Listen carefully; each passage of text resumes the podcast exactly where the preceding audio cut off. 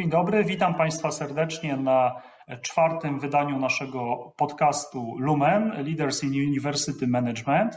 Dzisiaj naszym gościem będzie profesor doktor habilitowany Grzegorz Mazurek, rektor Akademii Leona Koźmińskiego. Bardzo serdecznie witamy jego magnificencję. Witaj Łukaszu, witaj panie profesorze, wit, witam wszystkich widzów. Witajcie. Szanowni Państwo, w dzisiejszym odcinku podcastu E, chcielibyśmy zająć się zarządzaniem uczelnią niepubliczną. E, e, kwestią, która jest problemem zarządczym i tak naprawdę, gdzie zderzają się nam ze sobą dwa modele, modele interesariuszy i, i, i model udziałowców, i o tym chcielibyśmy dyskutować z, z panem rektorem.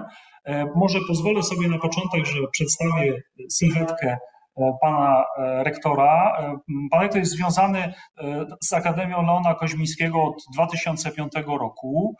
Przeszedł taką pełną drogę od stanowiska asystenta, adiunkta, profesora nadzwyczajnego, a od maja 2020 roku profesora tytularnego, czego bardzo serdecznie gratulujemy. Droga jego magnificencji jest związana z e, problematyką współpracy międzynarodowej. Mianowicie w latach 2012-2020 pełnił funkcję projektora do spraw współpracy z zagranicą, mm, odpowiadając między innymi e, obok strategii umiędzynarodowienia za akredytacje międzynarodowe, a jak wiemy, e, Akademia Leona Kozińskiego to jest ta potrójna korona akredytacyjna, a więc wybitne osiągnięcia, jeśli chodzi o umiędzynarodowienie uczelni. Warto również wspomnieć, że pan rektor działa w szeregu międzynarodowych i krajowych ciał, między innymi właśnie akredytacyjnych, advisory boards, dla Europy Środkowo-Wschodniej, w zarządach Stowarzyszenia Edukacji Menedżerskiej Forum, e, jest członkiem Komisji do Spraw Współpracy Międzynarodowej KRASP-u. Także to e, doświadczenie jest związane z różnymi aspektami zarządzania uczelniami e, niepublicznymi, ale również z zarządzaniem procesami umiędzynarodowienia w uczelniach, co myślę będzie takim interesującym kontrapunktem, zważywszy na naszego rozmówcę, panią rektor mm, Uniwersytetu Jagiellońskiego odpowiedzialną za umiędzynarodowienie uczelni w zeszłym tygodniu. Mm, natomiast dzisiaj chcielibyśmy przede wszystkim skupić się na wątkach związanych właśnie z zarządzaniem uczelniami niepublicznymi. Na świecie najczęściej nazywane uczelniami prywatnymi. Jak wiemy doskonale, to jest jeden z, nasz, z najszybciej rosnących segmentów tego e, naszego sektora szkolnictwa wyższego, a przede wszystkim to rosną te uczelnie, które nazywane są uczelniami e, private for profit, prywatne i dla zysku. E, ta grupa uczelni tworząca czasami wielkie grupy kapitałowe rozpowszechniające się po wielu, wielu e, krajach. E, to są e, uczelnie, które stosują bardzo dynamiczne, korporacyjne tak naprawdę wzorce zarządzania. W Polsce mamy do czynienia wyłącznie z uczelniami, które są not for profit, które nie są komercyjne, w związku z czym ta formuła działania jest trochę, trochę inna, może przypomina prestiżowe prywatne uniwersytety amerykańskie, żeby przywołać tylko przykład Harvard University. Mówimy, że to jest grupa owych starych uniwersytetów, a więc takich, które w samym sposobie zarządzania i budowania ładu akademickiego, owego governance, e, jednak przypominają e, model e, interesariuszy zbliżony do, do funkcjonowania uczelni publicznych. Natomiast w tej dzisiejszej rozmowie chcielibyśmy tutaj pana rektora poprosić o, o szereg opinii związanych z sytuacją aktualną, wyzwaniami, jeśli chodzi o funkcjonowanie uczelni w, w pandemii i w tym okresie popandemicznym, e, o kwestie związane ze specyfiką zarządzania uczelnią publiczną i stąd mm, pozwolę sobie przejść tutaj do e, pytań. E, I może właśnie zacznę od perspektywy mm, makro. Pytanie o ład akademicki i pandemię. Jego magnificencjo. E, jakie zmiany w świecie akademickim wywołuje pandemia? Czy one są trwałe? Czy to jest e, rewolucja, jeśli chodzi o rozwój formacji cyfrowego e, uniwersytetu? Skądinąd mamy tutaj z, z panem profesorem wspólne publikacje z zakresu Internet of Things, także rozpoznajemy też wspólnie tą problematykę kierunków rozwoju cyfrowego uniwersytetu, ale czy rzeczywiście my, my w jakiś sposób nie przeceniamy tego? Czy, czy to jest zmiana trwała? Trwała. Czy jest tak, e, jak jeden z guru szkolnictwa wyższego powiedział, że ona pchnęła o dekadę zmiany, które w szkolnictwie e, nastąpiły. Bardzo proszę. Mhm. Oj, muszę wziąć głęboki oddech, e, bo paradoksalnie w tych kilku złożonych pytaniach mieści się kilkanaście pytań, a wątków, które moglibyśmy poruszyć nawet w tej pierwszej sekcji jest naprawdę wiele, więc e, ja choć mam tą swoją wypowiedź dosyć ustrukturyzowaną w głowie, to wybaczcie, jeżeli będę trochę pływał, bo naprawdę te wątki są wszystkie niezwykle ciekawe i, i wartościowe. Więc e, po pierwsze, moja osobista perspektywa na to, co się e, zmieniło w polskim szkolnictwie wyższym w ostatnim roku, podkreślam, to jest tylko i wyłącznie moja e, subiektywna perspektywa. Pierwszą rzecz, którą zauważyłem, to to, że istotnie e, wzrosła dynamika naszych relacji jako rektorów w ramach konferencji rektorów akademickich szkół polskich. Jak wiemy, jest to ciało o ogromnym znaczeniu dla środowiska i mam wrażenie, że okres pandemii spowodował paradoksalnie, bo to przecież tylko online, że jednak nasze relacje takie międzyludzkie, między, międzyrektorskie E, są na bardzo wysokim poziomie, a to sprzyja wymianie wzajemnych doświadczeń i też y, tworzenie dosyć takich general, generalnych wniosków. Więc to jest jakby, jakbym się chciał zatrzymać tutaj i postawić kropkę, to jest to pierwsza rzecz, którą zauważyłem. To znaczy integracja środowiska istotnie wzrosła. I nie wiem, czy miało na to wpływ e, z przetasowania w gronie rektorów, czy miała na to wpływ pandemia, ale istotnie widzę tutaj dużo, duże takie podejście, może solidarnościowe to nie jest dużo, za dużo powiedziane, ale jednak integracyjne w ramach środowiska. Bo po prostu mamy być może o wiele więcej problemów, na które nie mamy znanych odpowiedzi, dlatego warto wymieniać się wzajemnie, wzajemnie dobrymi praktykami. E, druga rzecz, która się zmieniła istotnie, a która z kolei wynika wprost nie z chęci rektorów, ale z ustawodawstwa, to jest e, umożliwienie realizacji studiów w modelu online w zdecydowanie szerszym zakresie niż to było wcześniej dozwolone prawnie, co oczywiście wynika z po prostu z uwarunkowań pandemicznych. Natomiast, e, i tu jest trochę pies pogrzebany, Pytanie, czy te uregulowania e, związane chociażby z tym, że 75% treści kształcenia można dostarczać online, czy one zostaną z nami dłużej i na jakich warunkach? I to jest trochę już takie pytanie, pytanie do przodu. E, więc znowu stawiając tu kropkę, jakby miał zgeneralizować tu drugą część wypowiedzi, to oprócz integracji coś, co y, y, się zadziało, to jest większa elastyczność dana nam przez regulacje w dostarczaniu wartości e, studentom. I trzecia rzecz, która się zadziała, którą e, obserwuję wyraźnie, może nie w środowisku mm, mm, polskich uczelni, ale w, w środowisku uczelni, mm, chociaż polskich też, e, ale widać to bardzo wyraźnie w środowisku uczelni biznesowych na świecie, to jest mocne postawienie akcentu na to, że uczelnia nie jest od e, nauczania, tylko uczelnia jest od rozwijania e, studentów, a w tym, w tym szczególnym okresie pandemii uczelnia jest odpowiedzialna za, e, trochę to zabrzmi górnolotnie, ale jednak zaopiekowanie się studentem, coś co nazywa się po angielsku well-being. E, I, I, myślę, że przed czasem pandemii można było trochę z sarkazmem stwierdzić, że jest to taka nowomowa, taka trochę nowa, nowa moda.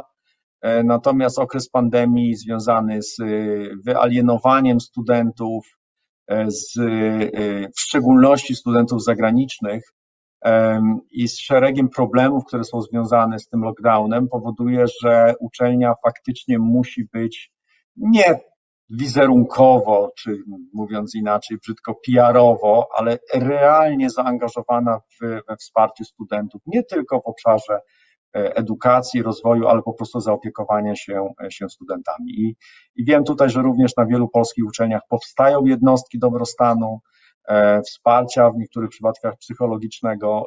I to jest też cenne, że, że w tym trudnym okresie pandemii uczelnie biorą na siebie odpowiedzialność za, no właśnie za to, nie umywają, nie umywają rąk od, od tej za, zaangażowania się w, w pomoc studentów, tylko, tylko faktycznie podejmują różne działania. Także e, myślę, że te trzy aspekty, tak, czyli integracja wewnątrzśrodowiskowa, e, zwiększona elastyczność działania, szczególnie w kontekście e, delivery, czyli, czyli dostarczania wartości poprzez proces dydaktyczny. I trzecia rzecz, oczekiwanie, ale też realizowanie przez uczelni szeregu innych celów niż tylko edukacja dla dobrostanu studentów. E, dziękuję bardzo, e, panie rektorze, i właściwie tutaj możemy sobie w jakiś sposób płynnie połączyć tą, tą, tą perspektywę, która następuje na skalę światową, globalną, tych zmian związanych chociażby właśnie z, well-being e, student, studentów, a naszą lokalną rewolucją, no bo przecież możemy powiedzieć, że tu, tu sumowały się dwie rewolucje. Najpierw mieliśmy ustawę 2.0, która wprowadziła nowe zasady ewaluacji naukowej właściwie w połowie tego procesu. Mm, I, i, I, to była zmiana rewolucyjna.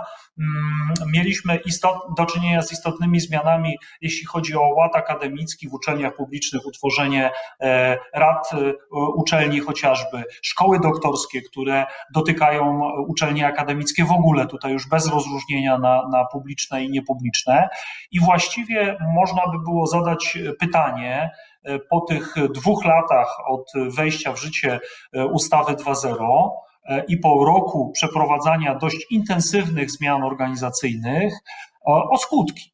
Jakie są skutki wprowadzonych zmian, które były zaprojektowane w ustawie 2.0? Wiadomo, że zaprojektowanej według pewnie, pewnej głównej osi, czyli tak naprawdę powiedzielibyśmy chyba doskonałości naukowej. To była perspektywa. W jaki sposób doganiać tutaj globalne trendy, jeśli chodzi o, o uczelnie, które instrumentalnie zajmują najwyższe miejsca w międzynarodowych rankingach, na liście e, szanghajskiej w Times High Education, e, ale mm, e, również mają takie mechanizmy konkurencyjne, rynkowe związane z procesami doskonalenia. Czy to udało się osiągnąć w sferze naukowej, E, a może i, i, i e, w trochę mniejszym stopniu uwzględnionymi w e, ustawie 2.0 sferami dydaktyki i trzeciej misji. Krótko mówiąc, jego magnificencjo, czy to, co zostało przemyślane w ustawie jako mechanizmy doskonalące, konkurencyjne dla uczelni polskich, to udało się z tej krótkiej perspektywy wdrożyć. Mhm. To jest świetne pytanie i ja postaram się na nie odpowiedzieć zarówno znowu przyjmując moją subiektywną perspektywę naukowca, który funkcjonuje w obszarze nauk o zarządzaniu, więc zna mniej więcej środowisko osób, naukowców zajmujących się tą problematyką, jak i przyjmę perspektywę rektora instytucji, e, którą mam zaszczyt kierować, czyli Akademii Lona Koźmińskiego. E, I znowu wybacz, Łukaszu, wybaczcie Państwo, może te wątki będą się nawzajem przeplatać. A więc pierwsza perspektywa jest taka, że dla Akademii Lona Koźmińskiego e, większość rozwiązań zaprezentowanych w ustawie 2.0 nie była niczym nowym. To znaczy stworzenie tego mechanizmu, powiedzmy wprost, konkurencyjności w obszarze nauki jest, jest czymś naturalnym dla nas z tego prostego powodu, że mm, Akademia funkcjonuje w, dwóch reżimach. W reżimie, e, w regułach gry e, e, krajowym, wynikającym z ustawy i rozporządzeń, ale też od bardzo wielu lat z powodu potrójnej akredytacji funkcjonuje w reżimie międzynarodowym. I mówiąc wprost, jeżeli kiedyś nam się wymarzyła potrójna korona, E, a jeszcze wcześniej poszczególne akredytacje w ramach tej potrójnej korony, to każda z nich od dziesiątków lat stawia na to samo. To znaczy, jeżeli chcecie być dobrą szkołą biznesu, to musicie publikować w najlepszych możliwych żurnalach naukowych e, i mieć ten exposure, tak, czyli tą swoją obecność szeroko rozumianą e, naukową w wymiarze międzynarodowym. Więc mówiąc najbardziej tak kolokwialnie, kiedy powiedziano w Polsce, że rządzą JCR i Impact Factory, to myśmy trochę powiedzieli, no wreszcie, bo widzieliśmy, co to znaczy lingua franca na rynku międzynarodowym uczelni od wielu lat. I, i dostosowanie do, do tego języka, do tej powiedziałbym waluty, no to jest najwyższy czas. To znaczy, powiedzmy sobie wprost, ustawa 2.0 nie tworzy jakiegoś polskiego rozwiązania, polskiej właśnie waluty, która będzie lepsza od innych. Nie, ustawa 2.0 i rozwiązania związane z nauką, w szczególności w ustawie 2.0, jest niczym innym, tylko dostosowaniem polskich reguł gry do reguł gry, który funkcjonuje na całym świecie, podkreślam, na całym świecie od wielu, wielu lat.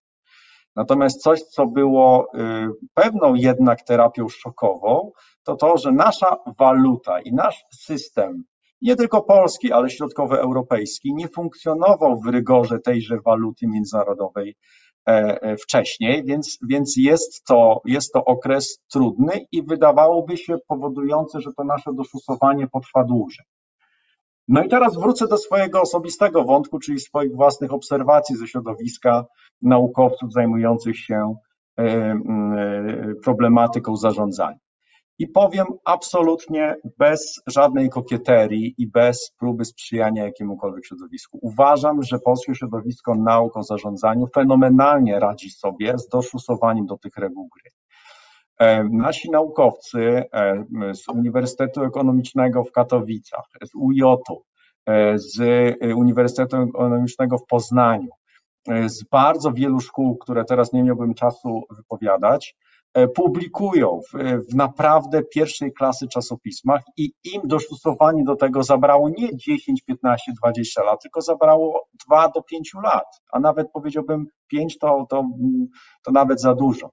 I to jest dla mnie fantastyczne, że pomimo tego, że, e, że te reguły gry w Polsce zmieniły się tak szybko e, i wcześniej pewne kompetencje naukowe nie były oczekiwane e, przez regulacje, teraz udało się w bardzo krótkim czasie te, ten kierunek utrzymać i go świetnie rozwijać. Także z mojej perspektywy, ja powtórzę to, co mówię wielokrotnie, my w Polsce mamy taką mm, perspektywę ciągłego niezadowolenia i niecierpliwości. E, ja uważam, że nie mamy podstaw, znaczy uważam, że rozwiązania stosowane w ustawie 2.0, mechanizmy, e, kształcenie kadr, no i te fenomenalne jednostki, które mamy w Polsce już podkreślam z perspektywy nauk o zarządzaniu, pokazują, że ten mechanizm działa i my e, pewno za jakiś czas będziemy widzieć takie makroefekty, nie tylko indywidualne. E, kolejna rzecz, którą, także z mojej strony jedynie apel, aby jak najmniej majstrować przy tych rozwiązaniach, bo one też potrzebują czasu, aby się no, zakorzenić w, w, w możliwie mm, jak największej liczbie e, uczelni i naukowców. Natomiast warto też podkreślić to, że ustawa 2.0 nie była przygotowana zewnętrznie, nie była jakby narzucona środowisku i nie była przygotowana ad hoc. Była rozwiązaniem, nad którym e, pracowano ponad dwa lata i całe środowisko funkcjonowało w, w, w tej, tym dyskursie publicznym na temat kształtu tej ustawy, więc to też być może spowodowało, że ta ustawa była jednak przez środowisko e, uczelniane dobrze przyjęta. I jak każda ustawa i każde rozwiązania ma mnóstwo wad, które wychodzą w tak zwanym, w tak zwanym trakcie, no to jednak co do kierunku, podkreślam, to nie jest ustawa, e, która tworzy jakieś nowe polskie rozwiązanie, to jest ustawa i kierunek, który wiąże się z, z doszusowaniem do reguł gry międzynarodowych. I, i nie miejmy złudzeń, nie jesteśmy w stanie w Polsce, znaczy, okay, możemy sobie stworzyć nową walutę, tylko nikt na nią nie będzie zwracał uwagi, bo powszechnie na świecie funkcjonuje impact, e, e, lista czasopism, e, e rankingi oparte są o te reguły gry, więc m, e, mm, możemy sobie romantycznie coś stworzyć, ale, ale to nie będzie miało żadnego znaczenia. To nie będzie miało żadnego znaczenia dla budowania pozycji naszych uczelni e, e, na świecie. No to jest tak, jakbyśmy powiedzieli, nie będziemy operować w Polsce dolarem amerykańskim w transakcjach międzynarodowych. Stworzymy sobie nową walutę, którą będziemy się posługiwać w relacjach z Chinami, z Amerykanami, z Brazylią i tak dalej. I to ta waluta będzie wiodącą. No, sami Państwo czujecie absurd tej wypowiedzi, więc tutaj mm, to, to, się, to jest dokładnie per analogam do tego, co się dzieje w środowisku naukowym. Coś na pewno, co jest ogromną bolączką i to nie tylko w Polsce, ale na całym świecie, to jest problem dydaktyki, problem związany z pomiarem jakości kształcenia. A wiemy, żyjemy też za sprawą transformacji cyfrowej w erze, którą ja określam mianem erze, ery obsesji kontroli, E, to znaczy, że bardzo komfortowo i łatwo jest nam działać i zarządzać w, w tym, co się da zmierzyć. Natomiast o wiele trudniej jest nam działać w tym, czego się nie da zmierzyć. Dlatego nauka jest teraz e, tak na piedestale w działaniach uczelni, ponieważ ona jest opomiarowana. E, I bardzo łatwo jest powiedzieć, że dana szkoła czy dana dyscyplina jest w czymś lepsza lub gorsza, ale to powoduje przegięcie, jakby przechylenie się wahadła za bardzo w drugą stronę, to znaczy za mało doceniana jest jakość dydaktyki systemowo i uwaga, globalnie, co powoduje, że na wielu uczelniach, tych najbardziej prestiżowych na świecie, amerykańskich, wierzcie mi Państwo, dochodzi do niezwykłych aberracji, gdzie e, no, uczelnia jest prestiżowa i wspaniała, ale kiedy byśmy spojrzeli na poziom dydaktyki tam realizowanych, to pewno otworzyły nam się szeroko oczy, jak dana osoba może na przykład prowadzić zajęcia. E, no ale jest fantastycznym naukowcem, w związku z tym jest topowa topową, ma topową pozycję w danej szkole. Także, ale to jest problem, to jest problem, mówię, globalny, dlatego że wiadomo, że efekty kształcenia są bardzo często odłożone w czasie. Przez wiele lat funkcjonował miernik, który zresztą w Polsce też jest popularyzowany, e, miernik e, wysokości zarobków absolwentów, co jest no już Pokażę Państwu przykład, co, co to by oznaczało, że, że potraktowalibyśmy ten miernik jako bożek. No pewno byśmy y, na poziomie rekrutacji pytali y, kandydatów, gdzie by chcieli pracować i odrzucalibyśmy albo przyjmowalibyśmy tych kandydatów, którzy mówią, marzy mi się praca w Goldman Sachs albo w JP Morgan i żadne inne nie zaakceptuje. To takich kandydatów chętnie weźmiemy, bo dzięki nim e, będziemy wysoko w rankingach. A kiedy ktoś powie, marzy mi się o praca o, y, związana z zaangażowaniem społecznym w jakimś NGO-sie, to co powiemy? No, wypadasz z naszych reguł gry, więc nie chcemy cię przyjmować na studia. To pokazuje taki przykładowy absurd pewnego znowu systemu, w którym działamy, znowu podkreślam, globalnie. I tutaj na pewno, zresztą dzieją się teraz ogromne, toczą się dyskusje na temat tego, jak szacować wartość e, dobrej e, dydaktyki. I myślę, że to jest dla nas, jako dla środowiska e, uniwersyteckiego, ogromne wyzwanie. Dziękuję bardzo panie rektorze. No właśnie, rodzi się tutaj pytanie, y, co można by było poprawić. Ja jestem też zwolennikiem takiego sposobu myślenia o ciągłym doskonaleniu, że tutaj nie powinno następować zerwanie ciągłości w żadnej z tych trzech misji, prawda? Reprezentujemy e, typ organizacji, które, e, które opierają się na tradycji, na ciągłości. Oczywiście jest premia związana za, z konkurencyjnością, dostosowywaniem się do rynku. Niemniej jednak e, trzeba zastanowić się nad tym, tym, co dobrego zostało zaimplementowane tutaj przez te nowe rozwiązania w ładzie akademickim, a co mniej. I muszę powiedzieć, że, że ja się chciałbym odwołać do takiego przykładu, e, troszeczkę z wewnątrz, z perspektywy insidera na Uniwersytecie Jagiellońskim. Mianowicie tam się utworzyły takie, takie dwa obozy. Jeden z obozów to jest obóz, który preferuje rozwiązania właśnie typu zarządczego, pomiar, rozwiązania, które idą w duchu nowego publicznego zarządzania, e, takie trochę quasi-korporacyjne, prawda? I e, no właściwie sposób myślenia jest taki, coraz więcej implementować narzędzi służących kontrolingowi, pomiarowi, monitorowaniu. Oczywiście to w żaden sposób nie blokuje narzędzi związanych z doskonaleniem i rozwojem, prawda? To, to, to, to jest y, y, potrzebne w co najmniej różnym stopniu. Natomiast jest też druga strona e, tego, tego medalu. E, opozycja, która wobec tego sposobu działania e, ujawniła się i to ona ujawnia się na świecie. W Polsce też też się ujawniła, czego przykładem takim sztandarowym, instytucjonalnym był e, Komitet Protestacyjny Humanistyki, która e, drastycznie sprzeciwia się temu sposobowi e, działania uczelni i właściwie akcentuje kwestię dotyczącą kultury akademickiej, zwraca uwagę na problem taki, że rozwiązania korporacyjne związane na przykład z różnicowaniem wynagrodzeń po prostu, prawda? Jeśli chodzi o osiągane efekty działalności naukowej, że to jest bardzo problematyczne, że problematyczne jest również to, o czym pan rektor mówił, czyli bardzo złożony jest pomiar skuteczności, jeśli chodzi o realizację efektów kształcenia że to kształcenie my możemy sobie oprogramować przy pomocy trzech skądinąd doskonałych akredytacji, e, którymi Państwo dysponujecie, prawda, owej, owej korony akredytacyjnej. E, możemy opro, oprogramować pewnym poziomem utrzymania minimalnego poziomu jakości kształcenia i średniego Krajowej Agencji Akredytacyjnej, prawda, w naszym wypadku e, PKA.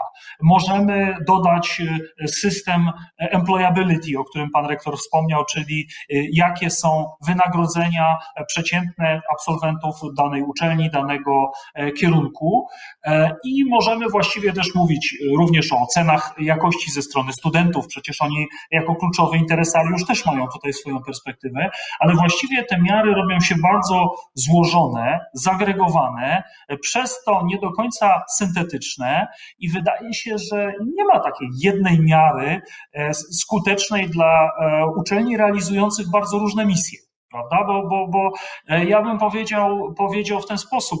My wiemy, że dysponujemy pewnym, pewnym, pewną grupą topowych uczelni w Polsce, prawda? E, należy do nich E, i Akademia Leona Koźmińskiego, i Uniwersytet Jagielloński, Uniwersytet Warszawski, żeby nie obrazić nikogo, jeszcze, jeszcze co najmniej kilkanaście e, e, bardzo dobrych uczelni, tylko że one realizują różne misje. Ich porównywanie tutaj jest często bardzo kłopotliwe. I właściwie chciałbym zapytać tutaj o taką perspektywę, co my możemy udoskonalić, bo, bo mój pogląd na sprawę jest taki, że dążąc do pewnej unifikacji, standaryzacji tego procesu, procesu oceny i działalności naukowej, i e, e, dydaktyki, możemy zabrnąć po prostu w ślepą uliczkę, czego przejawami jest na przykład krytyka i pewnego rodzaju modyfikacja, to jest łagodne słowo, jeśli chodzi o zasady ewaluacji związana z ostatnią listą czasowców. Prawda? Gdzie no, jak najbardziej. To co,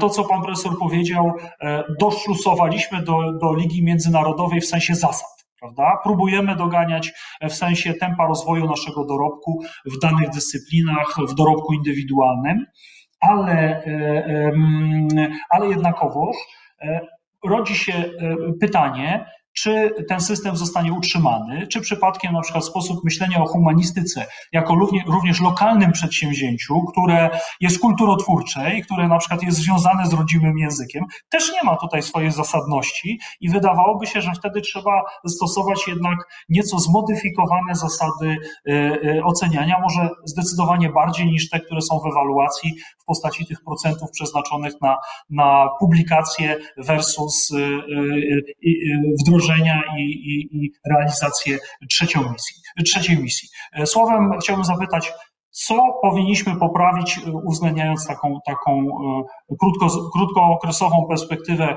od wprowadzenia ustawy 2.0 i, i jeszcze krótszą perspektywę doświadczeń pandemii? Mhm. Dziękuję. Znowu wezmę głębszy oddech. Po pierwsze, po pierwsze, wybaczcie, wybacz Łukaszu, wybaczcie Państwo, ale powiem, dlaczego między innymi podjąłem się funkcji e, e, rektora e, Akademii Leona Koźmińskiego. Uważam, że generalnie, może nie tylko akademii, ale, ale rektorowania i rektorowanie instytucji uczelni wyższej dla mnie w Akademii Leona Koźmińskiego oznacza umiejętne łączenie jako lider czterech kultur. Kultury akademickiej, tej naszej polskiej, środkowoeuropejskiej kultury akademickiej, kultury firmy rodzinnej, ale nie w rozumieniu jej wielkości czy, e, czy, e, czy zasobów, tylko w rozumieniu pewnego klimatu, który mamy na uczelni. Kultury startupowej, związanej z koniecznością realizowania bardzo często przedsięwzięć w bardzo krótkim czasie, w modelu zwinnym, e, bardzo elastycznym, no i kultury korporacyjnej w tych obszarach, w którym jest to niezbędne. I dlatego uważam, e, i to jest ten powód, e, i dlatego uważam, że, że zarządzanie uczelnią jest tak fantastyczne, ponieważ ono w przypadku moim zdaniem każdej uczelni powinno się wiązać z łączeniem tych czterech światów. E, jestem bardzo daleki, bardzo daleki od promowania kultury korporacyjnej na uczelniach, traktowania tej kultury jako kultury dominującej, e, ponieważ ona w kontekście y, środowiska i osób i, i, i całego, całej społeczności akademickiej naprawdę w dłuższej perspektywie nie będzie prowadziła do niczego dobrego. Widzimy już mnóstwo przykładów uczelni korporacyjnych, czy w Wielkiej Brytanii, czy w Stanach, gdzie e, ta perspektywa po prostu nie działa. Ona działa na bardzo krótki okres i, i, i finalnie nie prowadzi do niczego, do niczego dobrego. E, coś, co na pewno bym, e, powiem tak, ja się zgadzam z tym, że nie można stosować tych samych reguł gry wobec wszystkich dyscyplin naukowych. No, prosty przykład. W przypadku wydziałów ekonomicznych, wydziałów zarządzania, uczelni biznesowych, te reguły gry są związane z publikacjami w topowych czasopismach z obszaru zarządzania na świecie, są związane z uzyskiwaniem przez te wydziały czy te szkoły akredytacji międzynarodowych, z obecnością w zupełnie innych rankingach niż te, które są w kręgu zainteresowań dużych uniwersytetów. Dla Akademii Leona Koźmińskiego, dla Szkoły Głównej Handlowej, dla Uniwersytetu Ekonomicznego w Poznaniu myślenie o rankingu szanghajskim jest absurdalne, bo to nie chodzi nawet o skalę, tylko chodzi o reguły gry. To nie są rankingi dla takich wydziałów czy dla takich szkół. I zgadzam się z tym, że należałoby spojrzeć w wielu przypadkach, jeśli chodzi o reguły gry, nie z perspektywy makro całych szkół, ale z perspektywy dyscyplin naukowych. I ja stoję na stanowisku, że jeżeli chodzi o obszar nauk e, humanistycznych, to tutaj należałoby dokonać pewnych e, modyfikacji w tychże algorytmach i regułach, ponieważ oczywistością jest to, że promowanie na arenie międzynarodowej pewnych badań empirycznych związanych na przykład z kulturą Polski e, będzie miało zupełnie inny rezonans, inne zainteresowanie niż w przypadku, kiedy my w Polsce będziemy badać funkcjonowanie firm na przykład zagranicznych. Tak? Także y, to, jest jedna, jedna z rzeczy, które tu się podpisuje. Dokonałbym pewnych modyfikacji, e, aby nie mierzyć wszystkich dyscyplin e, jednakowo. Drugą rzecz, którą bym, e, do której bym zaapelował, to bym, bo padło tutaj, padł ten wspaniały skrót PAKA, PKA. I ja jako również osoba, która zajmuje się marketingiem, Uważam, że zbyt mało energii jest wkładane w promowanie e, uczelni, a tak naprawdę kierunków studiów, które są przez PAKę oceniane jako wyróżniające. E, stawiam tezę, podobnie jak to jest z akredytacjami międzynarodowymi, że te kierunki i te uczelnie, które ocenami wyróżniającymi e, mogą się pochwalić, powinny mieć pewien handicap, pewne ułatwienie w działaniu, bo skoro w tym całym procesie ewaluacji, oceny uczelni czy programu studiów jest on bardzo profesjonalny. Nawiasem mówiąc, Akademia przechodziła y, kilka tygodni temu taki proces, jeśli chodzi o nasz kierunek prawo. Takie uczelnie powinny mieć y, nadane większe zaufanie do działania, a to zaufanie pewno wyrażałoby się w, y, w ułatwieniu realizacji być może programów bardziej eksperymentalnych, w działaniu troszkę innym niż te, które wymagają wprost z restrykcji. I tu jest trzecia rzecz, do której bym, e, do, do której bym się odniósł, jeżeli chodzi o, o, o pewne zmiany. Znaczy, bądźmy świadomi tego, że, że, że znowu nie, my nie funkcjonujemy w jakiejś polskiej bańce, to znaczy świat się cały bardzo szybko i dynamicznie zmienia i to się wiąże również z tym, że zmieniają się dramatycznie reguły gry, które rządzą tym światem. Ale co to oznacza? No, podam przykład. No, mamy pętle oceny efektów kształcenia. Te pętle zamykamy po okresie e, na przykład trzech lat funkcjonowania studiów, a powiedzmy sobie wprost, kompetencje, jakich wymagamy w obszarze zarządzania od e, e, absolwenta, dzisiaj są już w dużym stopniu inne, nie powiem, że w ogromnym stopniu, ale w dużym stopniu inne niż te, które mieliśmy 2, 3, 4 lata temu, więc mamy pewne procesy, które całkiem nieźle działają, mówię o środowisku, natomiast te procesy są skrojone pod świat i pod linearność tego świata, który już nie funkcjonuje. Teraz bardzo często musimy działać w sposób zwinny, sprawny. I na przykład tworzenie teraz reguł gry, które będą obowiązywały za półtora roku, no jest narzędziem bardzo trudnym, tak? Mówię tu o konkretnych regulacjach, tak? Czy, czy zarządzeniach rektora, które są związane czy z opłatami, czy, czy z, z, z innym, z rekrutacją, tak? Więc tutaj, no to jest trochę zderzenie też kultur takich regulacyjnych z, z tą kulturą współczesnie funkcjonującą na świecie, gdzie po prostu musimy działać sprawnie, szybko, w oparciu o zaufanie, a to zaufanie przecież i tak my reglamentujemy poprzez funkcjonowania takich instytucji jak na przykład właśnie PAKA, tak? Więc ja sobie tak to w świecie idealnym wyobrażam, że skoro jest sobie na przykład e, nie wiem, Uniwersytet Ekonomiczny w Katowicach, który ma, dostaje wyróżniającą ocenę na kierunku zarządzanie, to ten uniwersytet ma pełne zaufanie ze strony regulatorów w Polsce co do możliwości działania w kolejnych na przykład czterech latach i mogą eksperymentować z różnymi rzeczami, a nie znowu się bać, czy za cztery lata to wyróżnienie dostanie. Mało tego, żaden student czy kandydat nie ma bladego pojęcia, co to jest PAKA, co to jest wyróżnienie PAKI i no, Tracimy mnóstwo, moim zdaniem, energii w budowanie doskonałości, która później nie jest kanalizowana w żaden inny sposób niż tylko dokument i jeden dyplom, który gdzieś tam sobie rektor powiesi na uczelni, ale nikt więcej o tym dyplomie nie ma żadnego pojęcia. A może jeszcze nawiążę, może nawiążę jeszcze do jednej rzeczy, bo tak delikatnie, wydaje mi się, Łukaszu, nawiązałeś do tego w ostatniej części swojego pytania i która pewno byłaby częścią dalszą, ale ja już teraz czuję się jako fascynat transformacji cyfrowej, aby na to odpowiedzieć.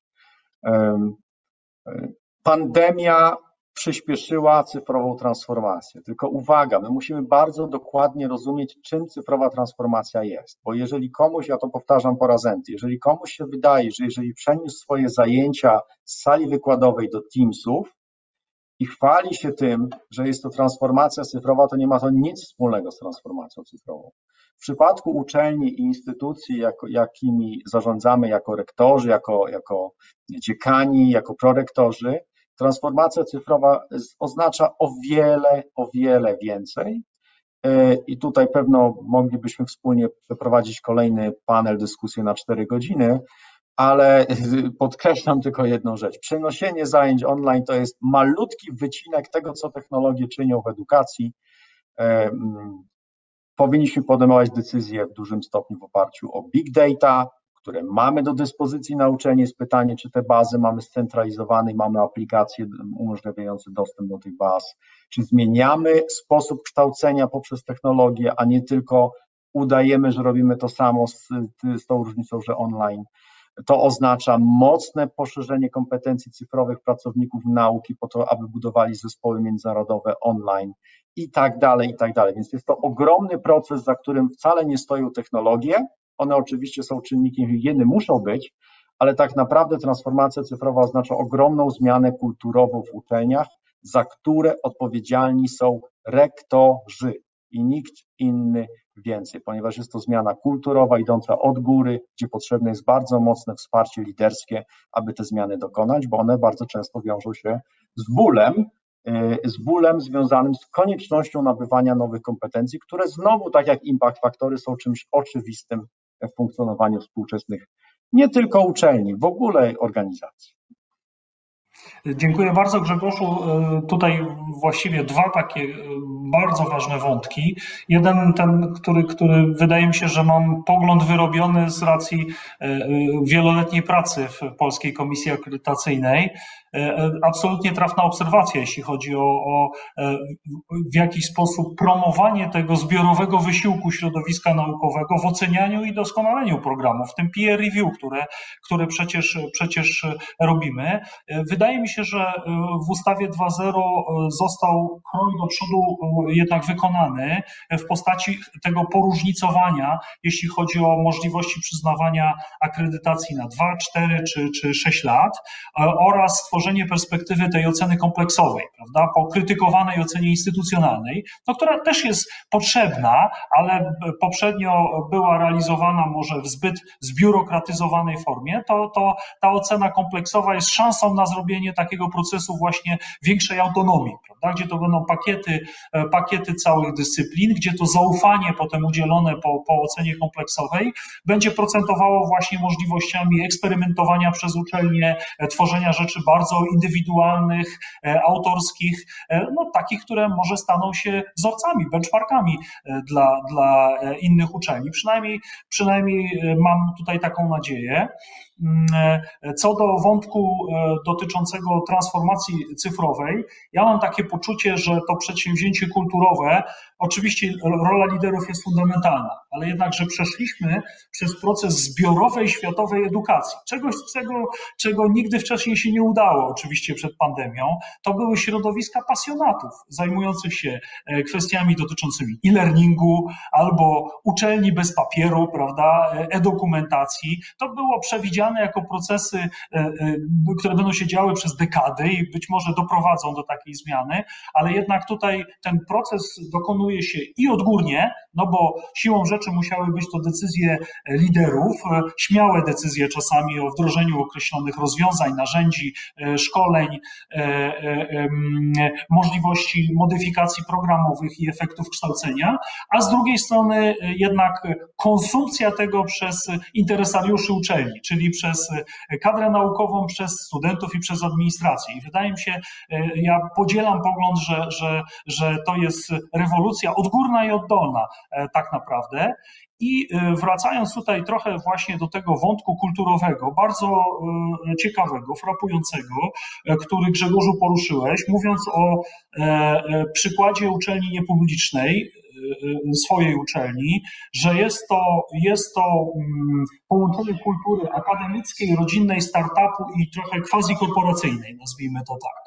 Otóż y, y, ja chciałbym zapytać o taką perspektywę różnic w zarządzaniu uczelnią publiczną i niepubliczną. No bo w literaturze jest zakorzenione, mm, zakorzeniony taki pogląd. Ja mam też swoje obserwacje z, z życia wzięte, e, swoistą autoetnografię, pracując w uczelniach i publicznych, i niepublicznych, e, że e, tak naprawdę to jednak są trochę dwie różne kultury. Bo jak miałbym scharakteryzować takie kultury, no na przykład dużego uniwersytetu kompletnego w polskiego, to bym powiedział tak. Kultura akademicka, owszem, tutaj e, mamy te same tradycje, prawda? Ale jednocześnie to jest tak. Kultura profesoriatu, to, to co u, u Bartona Clarka nazywało się oligarchią akademicką która z kolei w uczelniach niepublicznych wydaje mi się, że no nie odgrywa absolutnie takiej, takiej istotnej roli, z racji chociażby na tą silną strukturę e, kierowniczą związaną z e, założycielami uczelni, e, że tam istotna jest też bardzo struktura związana ze swoimi, swoistymi klanami, dyscyplinami naukowymi, które lokują się w określonych wydziałach, teraz może radach naukowych, ale które po prostu tworzą swoje dość hermetyczne często środowiska e, i swoje reguły gry tutaj, swoje logiki. I właściwie e, zmierzając do, do, do konkluzji tego mojego pytania, czy ty się zgadzasz z takim fundamentalnym podziałem, że uczelnie publiczne to jest model interesariuszy, a uczelnie niepubliczne to jest model udziałowców, bo przyznam, że ja to pytanie zadałem już osobom zarządzającym, między innymi poprzednikowi na stanowisku rektora. I dość powszechne były opinie na przykład z Akademii Leona Koźmińskiego, że to jest jednak nie, że to jest jednak bliższe modelowi interesariuszy niż tradycyjnemu modelowi udziałowców. Jestem bardzo ciekaw Twojej opinii. Ja zdecydowanie y, popieram Twoje ostatnie zdanie, jeżeli usłyszałeś się z Akademii Leona Koźmińskiego, bo tak jest. Znaczy ja nie, y, y, Wydaje mi się, że odpowiedź na to pytanie jest bardzo prosta w Polsce. To znaczy, jest relatywnie niewiele uczelni niepublicznych w Polsce, które z, mm, również u swoich celów strategicznych chciały zbudować sobie swój własny profesoriat. Opowiedzmy tak. E, wiele uczelni niepublicznych ma charakter wybitnie dydaktyczny. E, natomiast jest pewien trzon, e, grupa uczelni niepublicznych, które u zarania dziejów, kiedy powstawały, od razu miały ambicje naukowe. Te ambicje naukowe można było realizować albo ordynarnie e, w ramach posiadanych środków kupowania sobie zasobów, czyli profesorów, albo wychowywania sobie swojego własnego środowiska. I Akademia Leona Koźmińskiego jest przykładem uczelni, która po pierwsze, od, od, od początku istnienia miała właśnie te ambicje naukowe w rozumieniu wpływania na rzeczywistość poprzez działalność naukową i uczelnia, która bardzo promowała tworzenie swoich własnych talentów. I, i, I, mało tego, to z kolei zachęciło wielu profesorów, nazwijmy to tej starszej daty, którzy również chciało, chciało się znaleźć tutaj i migrowali z uczelni publicznych do nas, przede wszystkim z powodu kultury, która tutaj jest. Więc ja się nie zgodzę z tym, że w ramach uczelni niepublicznych nie mamy do czynienia z patriarchatem i z pewną grupą, mówiąc brzydko, interesu, którą trzeba się zaopiekować i z którą trzeba współpracować zupełnie inaczej niż na przykład z pracownikami administracyjnymi.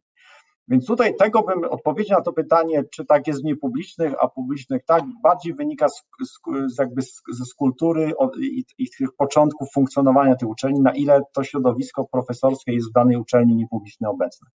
Więc bardziej tutaj, tutaj bym szukał tej zależności.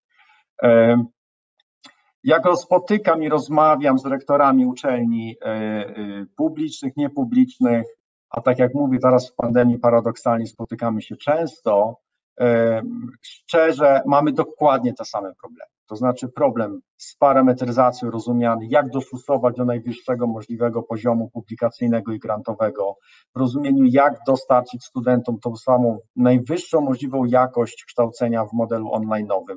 Jedyne, co nas różni, to różni nas no, aparat narzędziowy y, menedżerski, czyli jaka jest, y, jaki jest obszar decyzji, którą faktycznie rektor uczelni niepublicznej, a rektor uczelni publicznej może podjąć. I tutaj na pewno w uczelniach niepublicznych jest łatwiej, jest szybciej e, pewne decyzje podejmować.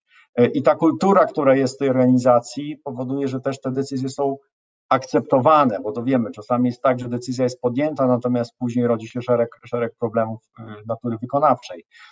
Ale no znowu, to jest, to jest pewno problem jednak regulacji, tak? Natomiast podkreślę jeszcze regulacji wewnątrzorganizacyjnych. Natomiast podkreślę ważną rzecz.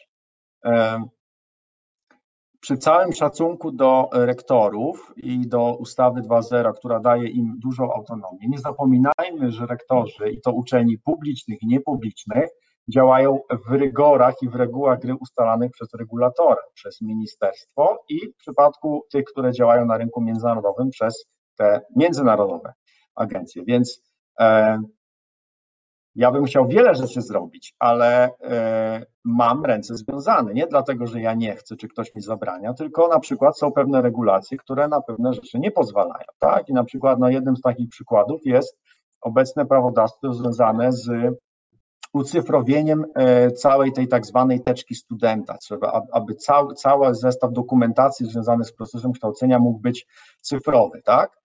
I w chwili obecnej ustawodawstwo działa w ten sposób, że działa 0 albo 1, to znaczy albo wszystkie materiały przechowujemy w formule papierowej, albo wszystkie przechowujemy w formule e, wirtualnej. Nie ma rozwiązania hybrydowego, które przecież jest naturalne w przypadku tej transformacji cyfrowej tego procesu, że pewne elementy jakby dokładamy, tak? I no i to jest przykład, to jest jeden malutki przykład tego, jak my jako rektorzy jednak no, mamy związane ręce w pewnych obszarach, chociaż bardzo byśmy chcieli działać. Więc tutaj e, im więcej elastyczności, im więcej takiej przytomności regulatora co do, co do tego, jak uczelnia powinna działać, no byłoby naprawdę przez, myślę, wszystkich nas e, bardzo dobrze, e, bardzo dobrze widziane. Bardzo Panie Lektorze. I ostatnie moje pytanie co do wątków, które się wielokrotnie tutaj przewijały. E, otóż e, wątek dotyczący zarządzania już Akademią Leona Koźmińskiego, te doświadczenia, w które, w które pan rektor uczestniczył jeszcze jako prorektor, a teraz, teraz jako jego magnificencja.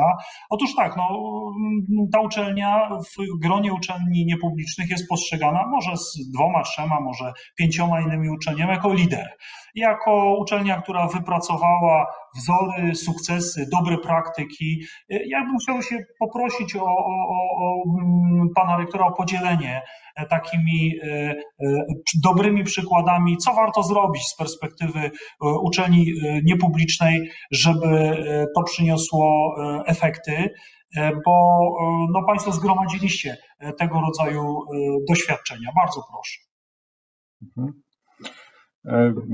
Cóż, to w pierwszej kolejności pamiętajmy o głównym interesariuszu, czyli e, odpowiedzialności za studenta i za jego rozwój i jego e, funkcjonowanie e, później na rynku pracy. Więc ta perspektywa daje, daje pierwszą odpowiedź. To znaczy, fundamentem jest program kształcenia, który jest po prostu dobry, który odpowiada na wyzwania rynku pracy, który wiąże się z mocnym usieciowieniem, czyli włączaniem zarówno w konsultacje, jak i sam, mm, mm, same treści kształcenia interesariuszy zewnętrznych w postaci przede wszystkim e, e, firm i instytucji wiodących w danym obszarze. Bo to buduje bazę. Pamiętajmy o tym, że i myślę, że to jest niezależnie, czy uczelnia publiczna, czy niepubliczna.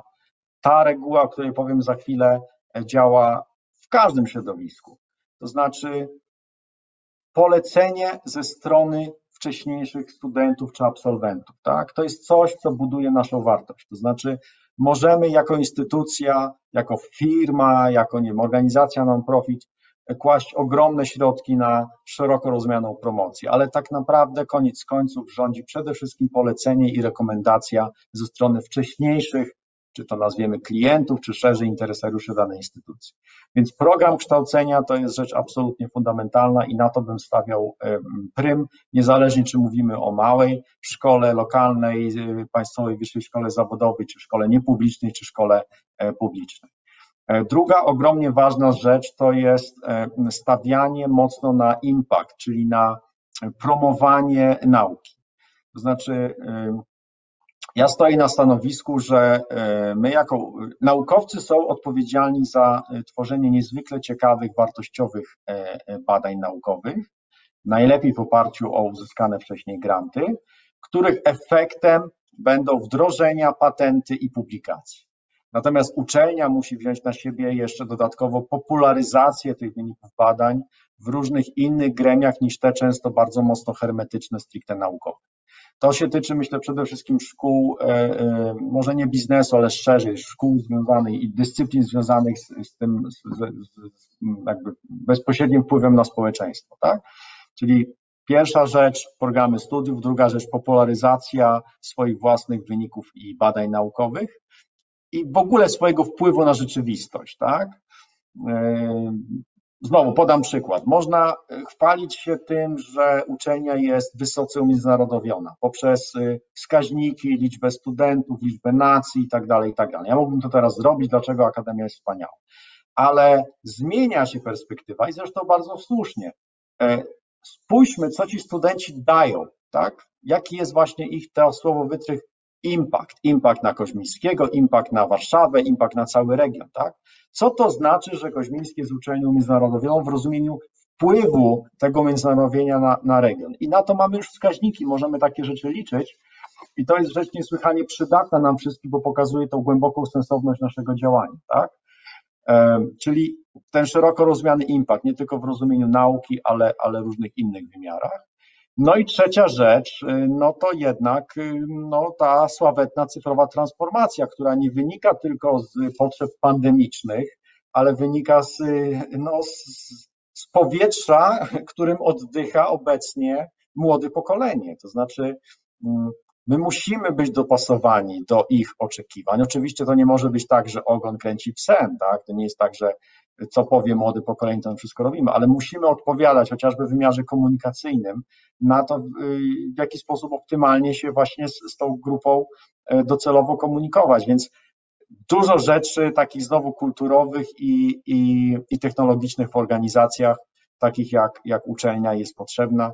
E, my jako Akademia stawiamy mocno e, nacisk właśnie na te współczesne, nowoczesne metody komunikowania się. Ja sam często eksperymentuję, nie będąc na początku już przekonanym, ale no to jest współczesne lingua franca cywilizacyjne i no możemy się obrażać na to, że są media społecznościowe, no ale szanowni państwo, no ileś miliardów ludzi z tego już korzysta i, i mówienie o tym, że uczelnie są inne i nie powinny promować w ten sposób swoich badań naukowych czy swoich decyzji, y, czy sukcesów swoich studentów, czy naukowców, no jest, jest jednak no niepoważne. Także myślę, że tutaj ta, podsumowując to jednym zdaniem, ta świadomość zmian, które następują i konieczność wdrożenia pewnych zmian w ramach struktur zarządzania i kultury organizacyjnej uczelni. To jest też bardzo ważne. Dziękuję bardzo, panie, panie rektorze. Pozwolę sobie tutaj jednym zdaniem spuentować tą, tą, tą naszą rozmowę. Otóż wydaje mi się, że, że siła w różnorodności, że dzięki temu, że uczelnie niepubliczne, publiczne dysponują różnymi misjami i metodami rozwiązywania E, tych e, dylematów, które powstają w związku z realizacją trzech misji, które są nam wspólne, mamy tutaj po prostu możliwość eksperymentowania. I jakby idąc wspólnie w tym, w tym modelu takich, nie wiem, zasnołem dwóch, dwóch kultur z jednej strony, mm, z drugiej strony dążąc w kierunku jednak budowania e, wartości edukacyjnej i naukowej, mamy tutaj możliwość korzystania z takiej, z takiej wielości rozwiązań, w których państwa uczelnia E, również tutaj ma swoje poczesne miejsce, jeśli chodzi o edukację e, polską i, i europejską. Chciałbym również, korzystając z okazji, e, bardzo serdecznie podziękować panu rektorowi za rozmowę, no i życzyć ogromnych sukcesów w sprawowaniu kolejnych kadencji. Jest to wyzwanie, bo, bo jak patrzymy wstecz na sukcesy, które były odnoszone przez Akademię Leona Koźmińskiego, życzylibyśmy, żeby one były co najmniej takie i, i, i żeby uczelnia e, znalazła się w światowym topie, e, jeśli chodzi o, o rozpoznawalność uczelni niepublicznych, a może uczelni w ogóle, bo tak jak, tak jak mówiłem, jesteśmy tutaj w jednym świecie. Bardzo serdecznie e, dziękuję tutaj panu rektorowi, drogi Grzegorzu, dziękuję za, za poświęcony czas na rozmowę. E, zapraszam Państwa za dwa tygodnie na kolejną edycję e, podcastu e, Leaders in University Management. Będziemy rozmawiali z panią rektor, profesor Bogumiłą Kaniewską, Uniwersytet Adama Mickiewicza. Staram się tutaj w praktyce dochować zasady partycypacji kobiet, czyli stosuję zasadę suwaka. W związku z tym jego magnificencja, pani rektor w następnej rozmowie. Bardzo dziękuję panu profesorowi Grzegorzowi Mas Dziękuję. Dziękuję. Do zobaczenia.